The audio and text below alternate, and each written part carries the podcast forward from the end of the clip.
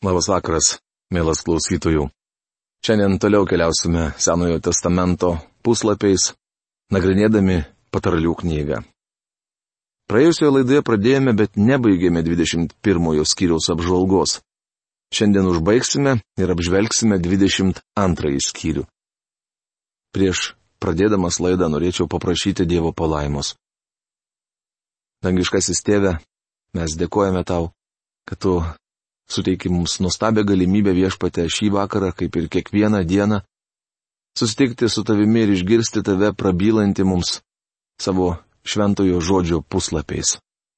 Šmeldžiu dangaus Dievę, kad tu veiktum kiekvieno žmogaus širdyje, kuris šiandien girdi šią radio laidą, kad tu kiekvieną žmogų įtikintum dėl kalties, dėl nuodėmės, kad kiekvienas išpažinęs savo kaltes prieš tave Dievę galėtų mėgautis tą nuostabę bendrystę Dievė ir pritaikyti šį žodį, kurį šiandieną mes nagrinėsime savo asmeninėme gyvenime.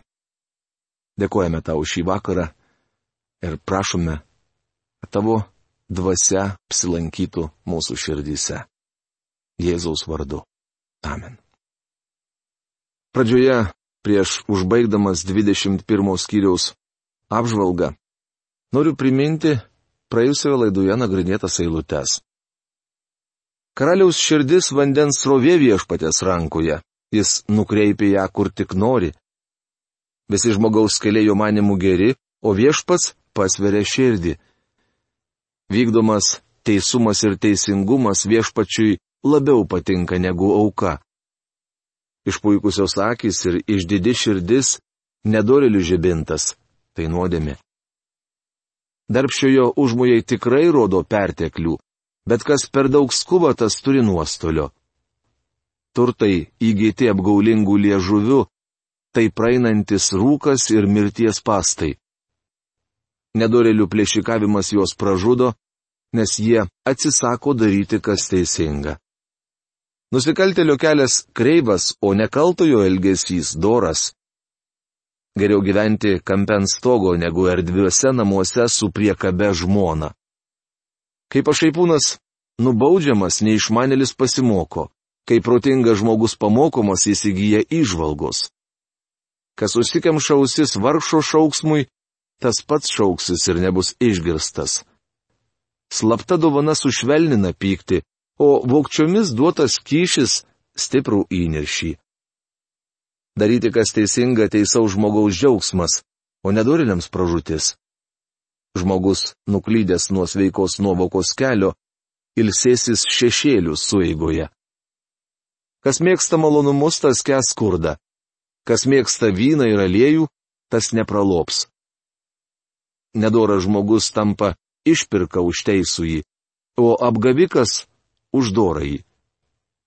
Vienas išmintingas žmogus užpuola galiūno miestą ir sugriauna tvirtovę, kurią jie pasitikė. Kas sučiaupia burną ir prikanda liežuvi, tas apsaugo save nuo daugelio bėdų. Išdidus, įžulus žmogus vadinamas pašaipūnu, elgesi su akiplėšiška puikybė. Ir šios dienos eilutė Tinginio alkis jį nužudo, nes jo rankos atsisako dirbti patarlių knygos 21 skyriaus 25 eilutė. Patarlių knygoje taip pat daug kalbama apie tinginį. Per visą dieną nedorelis geidžia, o teisusis duoda nešikštėdamas, patarlių knygos 21 skyriaus 26 eilutė. Tinginys visą dieną geidžia ir naudoja suktas priemonės, kad galėtų nedirbdamas pralopti. Tuo užsiema daugelis žmonių. Tuo tarpu teisusis galvoja ne tiek apie gavimą, kiek apie davimą. Todėl Dievas jį laimina. Nedorelių atnašaujama auka pasibjaurėtina, ypač kai atnašaujama gėdingų tikslu. Patarlių knygos 21 skyriaus 27 eilutė. Nedorelis - tai įstatymų laužytojas, savavalis. Tai toks žmogus, kuris nenusilenkė Dievui ir nenori ateiti pas jį Dievo nurodytų keliu. Žmogui jo kelias gali atrodyti teisingas. Tai prašoma patarlių knygos 16 skyriaus 25 eilutėje. Tai nedorelių kelias. Nedorelis eina savo keliu ir ignoruoja Dievo kelią. Iš tikrųjų jis atstumia Dievą. Tai nereiškia, kad jis negali būti religingas. Dažnai tokie žmonės prisijungia prie bažnyčios, reguliariai ją lanko, gėda giesmės ir atrodo gana pamaldus. Jie gali netaukoti, nors daro tai iš niekingų paskatų. Nedoreliu atnašaujama auka pasibjaurėtina. Melagingas liudytojas bus sutrikdytas, bet kas tikrai žino, tas paliūdys sėkmingai. Nedoras žmogus įžulus, o doras kreipia dėmesį į savo kelią. Patarlių knygos 21 skyriaus 28-29 eilutės. Viešpatės Jėzaus teisme buvo melagingų liudytojų. Tikriausiai nenorėtumėte būti jų vietoje. Evangelijoje pagal matą rašoma, Tuo tarpu aukštieji kunigai ir visa teismo taryba ieškojo neteisingo parodymo prieš Jėzų, kad galėtų jį nuteisti mirti. Tačiau nerado, nors daug buvo atėję neteisingų liudytojų. Pagaliau išėjo priekin du ir tarė, šitas yra sakęs, aš galiu sugriauti Dievo šventovę ir per tris dienas ją vėl atstatyti. Tai prašoma, Mato Evangelijos 26 skyriaus 59-61 eilutėse. Kitų melagingų liudytojų tvirtinimai buvo atmesti. Paskutiniai du liudytojai taip pat melavo. Kitame Evangelijos pagal matas skyriuje skaitome, Jėzus stovėjo valdytojo akivaizdoje. Valdytojas įklausė, ar tu esi žydų karalius? Jėzus atsakė, tu pasakei, kitaip tariant, tu teisus. Aukštųjų kunigų ir seniūnų skundžiamas jis visai neatsiliepė. Tuomet pilotas paklausė, Ar negirdi, kai baisiai tave kaltina? Bet jis neatsakė nei vieną kaltinimą ir tuo be galo nustebino valdytoje. Žiūrėkite, mato Evangelijos 27 skyriaus 11-14 eilutes. Iš Evangelijos pagal Joną žinome, kad pilotas, ieškodamas galimybių paleisti Jėzų, nusivedė jį į pretorijų ir prašė bendradarbiauti. Tačiau pilotas buvo pernelyg gudrus politikas, kad paleistų Jėzų prie žydų valią. Galų galiais pasidavė minios spaudimui, nors puikiai žinojo, kad liudijimai prieš Jėzų melagingi. Šis teismas buvo pats negarbingiausias žmonijos istorijoje. Juk nenorėtumėte būti vieno iš tų dviejų melagingų liudytojų vietoje. Melagingas liudytojas pražūva. Tai profesoriaus Algirdo Jurieno vertimas. Nėra nei išminties, nei supratimo, nėra nei patarimo prieš viešpatį, Patarlių knygos 21 skyriaus 30 eilutė. Tai nuostabi šventojo rašto eilutė. Norėčiau pridėti prie jos vieną naujojo testamento ištrauką, į kurią galbūt niekada nekreipėte didesnio dėmesio. Mes juk nieko negalime prieš tiesą, bet tik tai už tiesą, rašoma antrame laiške kurintiečiams 13 skyriuje 8 eilutėje. Kadangi lankiau liberalų koledžą ir liberalę seminariją, Mane labai neramindavo liberalių teologų puldinėjimai. Pradėjęs tarnavimą maniau, kad mano pareiga kiekvieną sekmadienį skelbti alarmo signalą ir ginti Dievo žodį. Tuomet mano dėmesį patraukė ši patarlė. Nėra nei išminties, nei supratimo, nėra nei patarimo prieš viešpatį. Pradėjau suprasti, kad Dievas gali pats apsiginti ir apginti savo žodį. Mes juk nieko negalime prieš tiesą, bet tik tai už tiesą. Kadangi norėjau kažką padaryti, turėjau imtis pozityvių veiksmų, pabrėžti tai, kas pozityvu, o visa, kas negatyvu, palikti nuo šalyje. Man nereikėjo ginti Biblijos. Dievas nelėpė man to daryti, tik sakė skleisti Dievo žodį. Esu gavęs vieno vyro laišką, kurį padėjau į cilindro formos aplanką vadinamą šiukšlių dėžę. Tiesą sakant, viso jo net neperskaičiau, mat tas žmogus, remdamasis kvailais argumentais, bandė įrodyti man, jog Biblija nėra Dievo žodis. Aš pamaniau, kągi, eikime prie kito laiško, nes šis virukas akivaizdžiai nenori palikti savo gyvenimo nuodėmių. Pastebėjau, kad tuomet, kai žmogus patiki Kristumi norėdamas atsikratyti savo nuodėmių, kai jis iš tiesų trokšta turėti gelbėtoje, visos problemos anksčiau neleidusios pripažinti Biblijos autoriteto, labai greitai išsisprendžia. Žirgas balnuojamas mūšio dienai, bet pergalė priklauso nuo viešpaties patarlių knygos 21 skyriaus 31 eilutė. Tai žinojo ir Dovydas. Jis rašė, nors ir kariuomenė apgultų mane, mano širdis nebijotų, nors ir karas man būtų paskelbtas, net tada pasitikėčiau. Patarlių knygos 21 skyriaus 31 eilutė. Čia tiesa buvo suvokęs ir karalius Asa. Tada Asa šaukėsi viešpatie savo dievų ir sakė, viešpatie, nėra kito tokio kaip tu, kuris padėtų bejėgiams prieš galiūnus. Padėk mums viešpatie mūsų dievę, nes mes tavimi pasitikime ir tavo vardu išėjome prieš šią minę. Viešpatie, tu mūsų dievas. Neleisk jokiam mirtingajam savęs nugalėti. Rašoma antroje metraščių knygoje 14 skyriaus dešimtoje eilutėje. Kaip nuostabu pasitikėti Dievu. Tai nereiškia, kad mums nereikia būdėti. Jėzus sakė, jog kai apsiginklavęs galiūnas sergi savo sodybą, tada ir jo turtas apsaugotas. Bet pergalė priklauso nuo Jahvės. Pasirūpinkite, kad parakas būtų sausas. Tačiau tikėkite ir pasitikėkite viešpačiu Jėzumi Kristumi. Patarlių knygos 22 skyrius. Saliamonas galėjo įsigyti viską, ką tik įmanoma nupirkti už pinigus, tačiau nedėjo į juos visų savo vilčių. Geriau turėti gerą vardą, negu didelius turtus, malonė vertesnė už sidabrą ir auksą. Patarlių knygos 22 skyriaus pirmą eilutę. Žodžio gera originale nėra, jį pridėjo vertėjai. Geriau turėti vardą. Šioje patarlėje kalbama ne apie vardą, kurį jums davė jūsų tėvai, bet apie užsitarnautą reputaciją. Davidas turėjo būri vyrų, kurie buvo vadinami jo galiūnais. Jie buvo iš tiesų šaunus, todėl pelnė savo vardą. Pavyzdžiui, apie Benają pasakyta. Jehujados sunus Benajas iš Kepcelio buvo narsus karys, atlikęs žygdarbių. Jis užmušė du Moabo Arielio sūnus.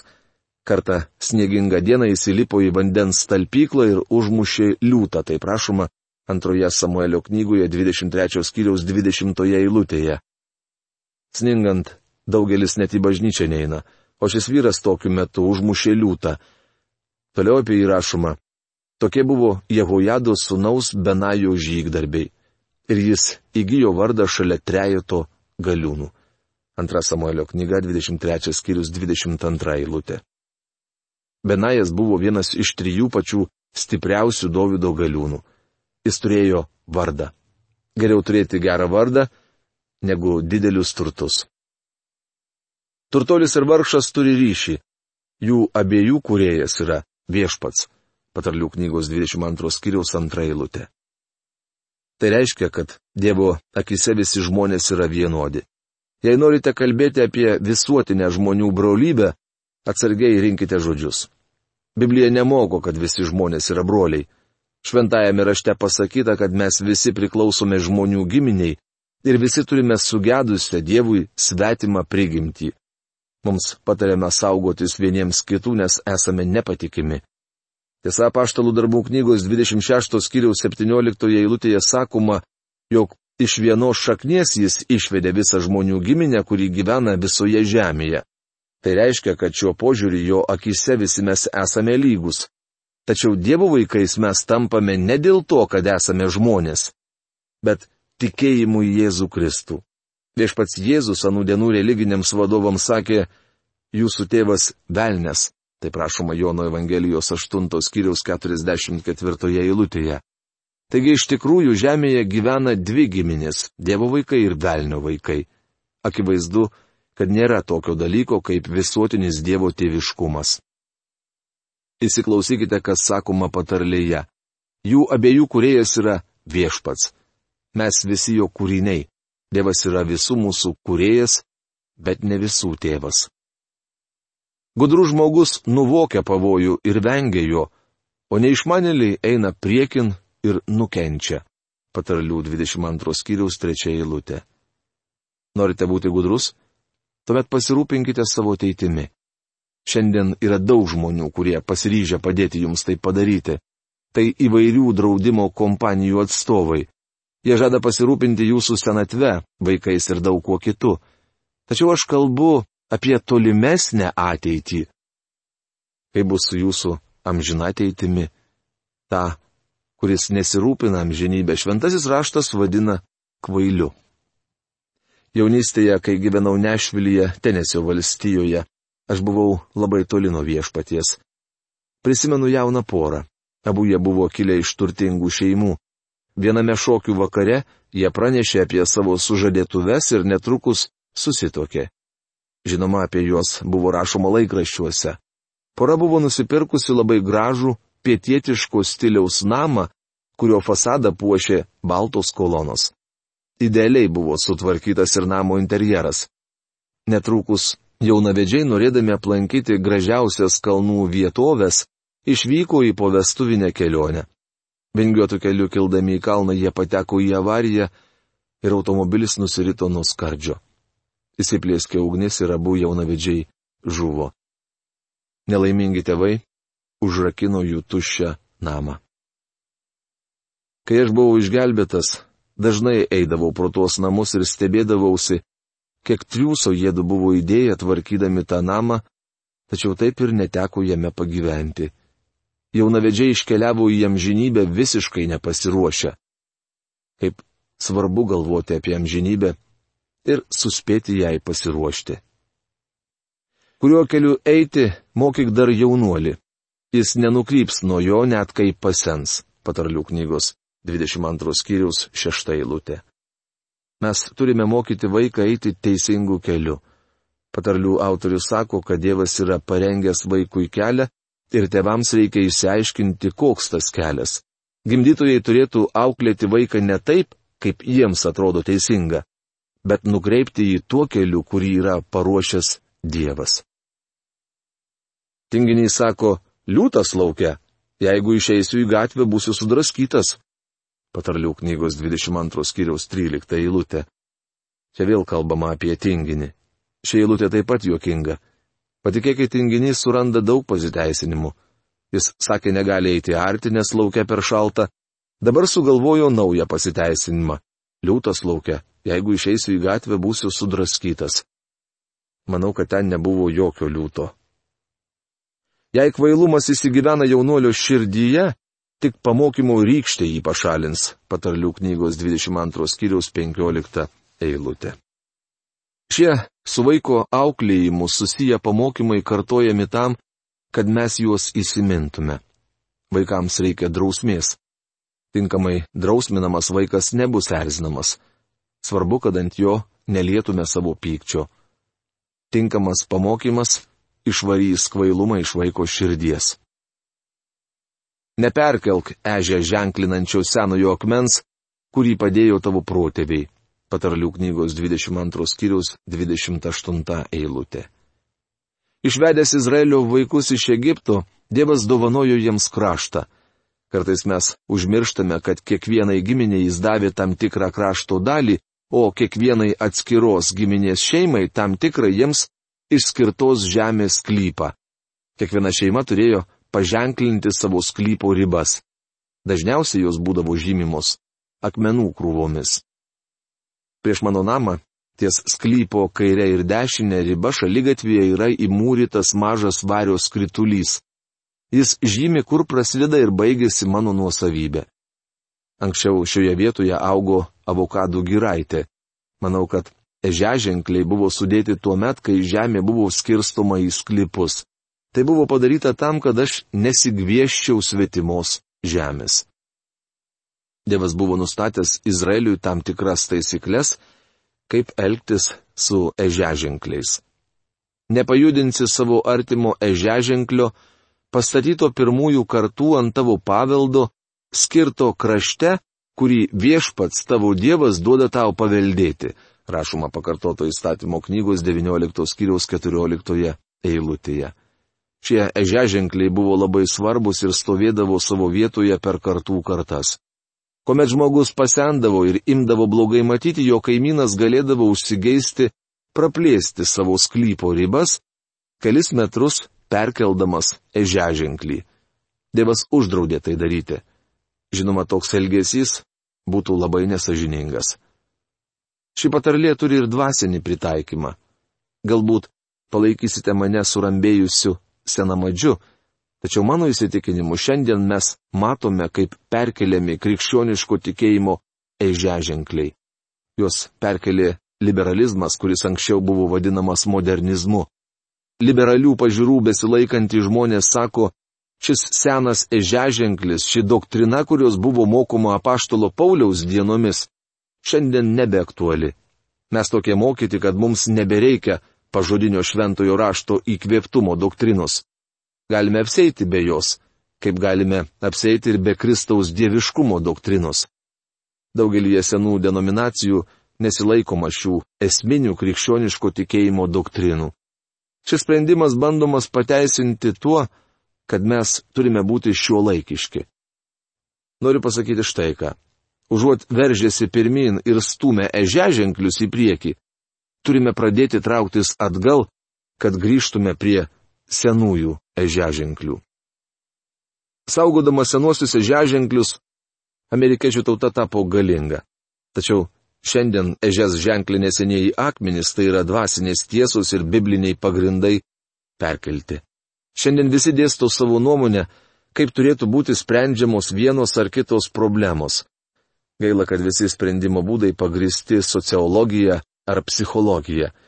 Nekarto negirdėjau, kad koks nors valstybės veikėjas būtų pasiūlęs biblinį sprendimo būdą.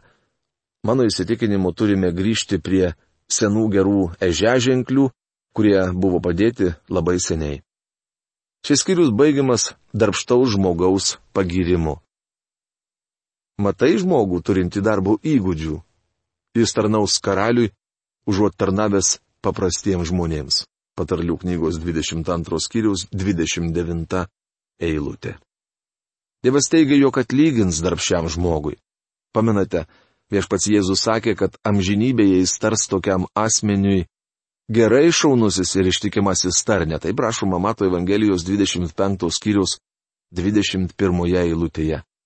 Jo pagirimas priklausys ne nuo to, kiek gerų darbų jūs padarėte, ar keliems pražuvusiesiems paliudijote Kristų, ar kaip uoliai jūs plušote, bet nuo to, kaip ištikimai vykdėte jo pavestą užduotį. Galbūt esate motina ir Dievas yra jums davęs užduoti prižiūrėti mažylį, Mozės motina ištikimai vykdė savo pareigą ir jos vardas įrašytas Dievo žodyje. Už ištikimybę bus duodamas atlygis. Laiško romiečiams 12 skyriaus 10-11 eilutėse apaštalas Paulius rašė. Pateiksiu jums savo vertimo variantą, kuris galbūt bus jums kiek aiškesnis. Parodykite vienas kitam šeiminišką prisirišimą pagarbiai vienas kitam nusileiskite, nesipuikuokite uolumu, dekite dvasia, tarnaudami viešpačiui. Tai dar sėkiai pabrėžia, kad mes turime būti ištikimi Dievui. Mielas klausytojų, šiandien savo laidą baigiame. Iki greito susitikimo. Sudė.